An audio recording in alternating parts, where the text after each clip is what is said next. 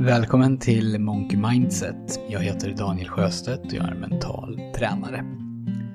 Det finns en bok som heter Art and Fear. Hela titeln är Art and Fear Observations on the Perils and Rewards of Art Making. Den är skriven av David Bales och Ted Orland. Och jag vet så är den tyvärr inte, underligt nog, översatt till svenska. Den här boken den vänder sig till vanliga människor som sysslar med kreativt skapande i någon form. Alltså inte nödvändigtvis de som identifierar sig som konstnärer. Men oavsett det så kommer alla som läser den här boken att känna igen sig i den. Och många som läser Art and Fear, de hajar till vid en speciell historia. Författarna berättar om en konstlärare som på terminens första dag delar in sin klass i två grupper. Kursen de ska gå handlar om keramik, om att dreja och göra skålar och krukor. Och läraren berättar att halva gruppen enbart kommer att bedömas utifrån kvantitet. Hur krukorna de skapar ser ut, det bryr han sig inte om. Utan på kursens sista dag så tar han in en våg och så väger han hur mycket varje student har producerat. 25 kilo ger ett A, 20 kilo ger ett B och så vidare.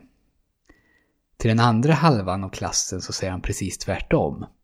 Det enda han bryr sig om när det gäller de studenterna, det är kvaliteten. De kan ägna hela kursen åt en enda skål om de vill det. Och det är kvaliteten på den skålen som kommer att bestämma studentens betyg. När kursen sen är slut och betygen är satta så upptäcker konstläraren att av de krukor och skålar som är riktigt bra, som håller en hög kvalitet, så kommer alla från den halvan av klassen som mättes utifrån kvantitet. Så trots att den gruppen enbart bedömdes utifrån hur många krukor de hann få ur sig under en viss tid, så skapade det sättet att arbeta krukor av högre kvalitet än vad som producerades i gruppen som enbart hade kvalitet som mål. För det gruppen som tillverkade många krukor i praktiken gjorde, det var ju att de så snabbt som möjligt gick från teori till praktik så att de kunde lära sig av sina misstag. Och om jag hade varit i den här klassen och fått veta att jag i slutet av terminen skulle bedömas utifrån hur bra min bästa kruka var, så tror jag tyvärr att mitt sätt att jobba, det hade mer liknat den andra gruppen än den första. Jag hade nog utgått ifrån en lerklump och sen försökt göra den så bra som möjligt. Och jag tror inte att jag är ensam här. För om man inte har ett tydligt utarbetat system för hur man jobbar så är ju det här linjära sättet där man ser nuläget, vet önskat resultat och sen rör sig mot det i rätt ordning från A till B till C och så vidare. Det är ju det naturliga sättet att jobba. Man skriver sida 1 först, sida 2 sen och när man kommer till slutet, då är man ganska klar. Men historien om krukorna tycker jag sätter fingret på glappet som finns mellan hur många av oss fungerar och hur vi skulle kunna fungera om vi bara tänkte och jobbade lite annorlunda. För det är ju så himla lätt att sitta och fippla med skuggningen av en bild, hur den ska se ut på slide 2 i min powerpoint-presentation. Och inte förrän den känns helt perfekt så går jag vidare till slide 3. Eller att jag väntar på att förutsättningarna ska vara helt perfekta. Att jag ska ha all utrustning och koll på alla detaljer innan jag ens kan påbörja någonting. Men ofta handlar det bara om att komma igång. Att så snabbt som möjligt få ur sig ett första utkast eller en första version av produkten. Eller att så snabbt som möjligt ta sig ner till gymmet och göra någonting. Och sen förstå att det här sättet att jobba, det kommer skapa insikter och erfarenheter som gör att varje nytt utkast, eller varje nytt gymbesök, blir lite bättre än det förra. Och det här är ju egentligen inget nytt. I företagsvärlden så är det populärt att arbeta agilt. Och då är det ungefär det här som menas. Eller en internet-startup säger att man så snabbt som möjligt ska få ur sig en MVP, en Minimal Viable Product. Och då arbetar de också efter den här filosofin. Man försöker då fundera på vad som är det minsta möjliga vi behöver göra innan vi kan släppa den första versionen av vår produkt. Så även om slutmålet kanske är att det ska bli en Facebook-konkurrent så funderar man på hur enkel kan vi göra den här appen i ett första läge?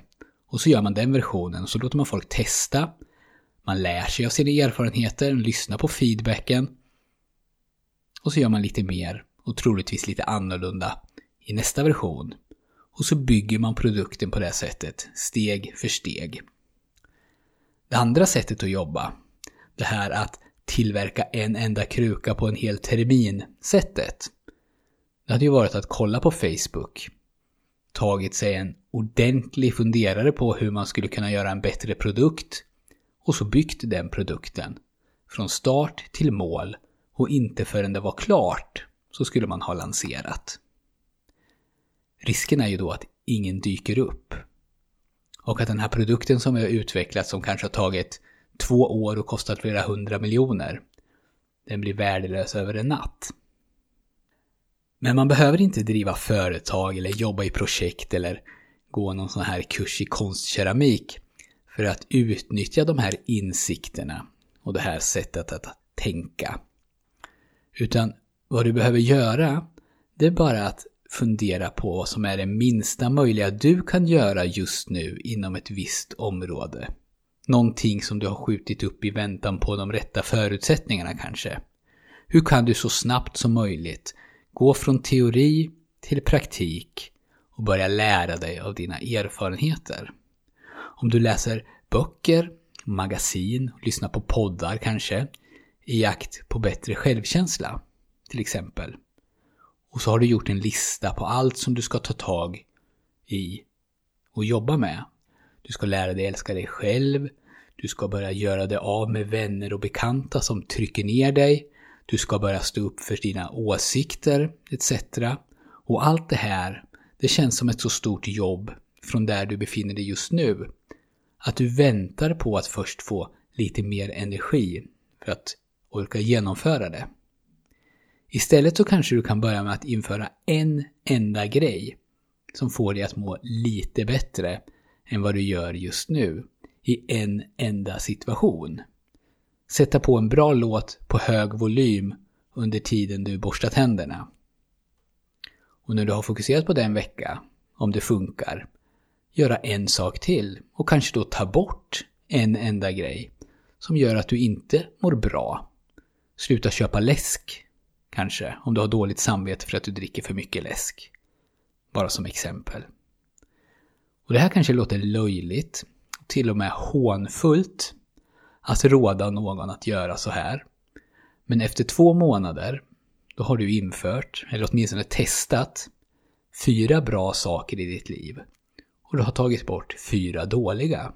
Och på ett års sikt så har du kanske bockat av en hel del punkter på den där listan som du hade och listan har säkert också reviderats och uppdaterats.